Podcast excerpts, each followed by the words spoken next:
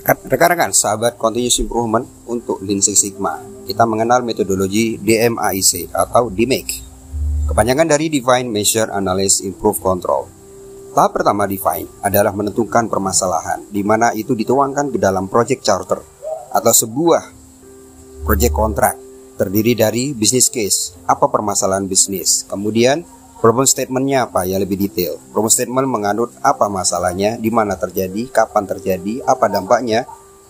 Kemudian di dalam problem statement Anda harus mengidentifikasi apa opportunity atau manfaat dari penyelesaian masalah itu.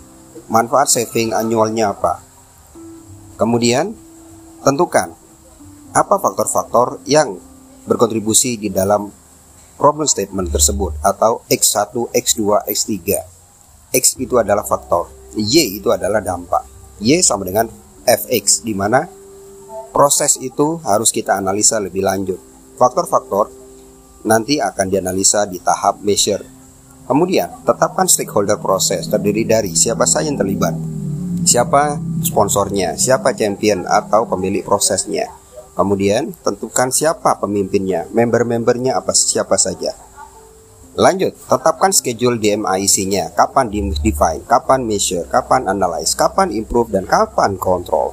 DMIC adalah metodologi terstruktur Lean Six Sigma.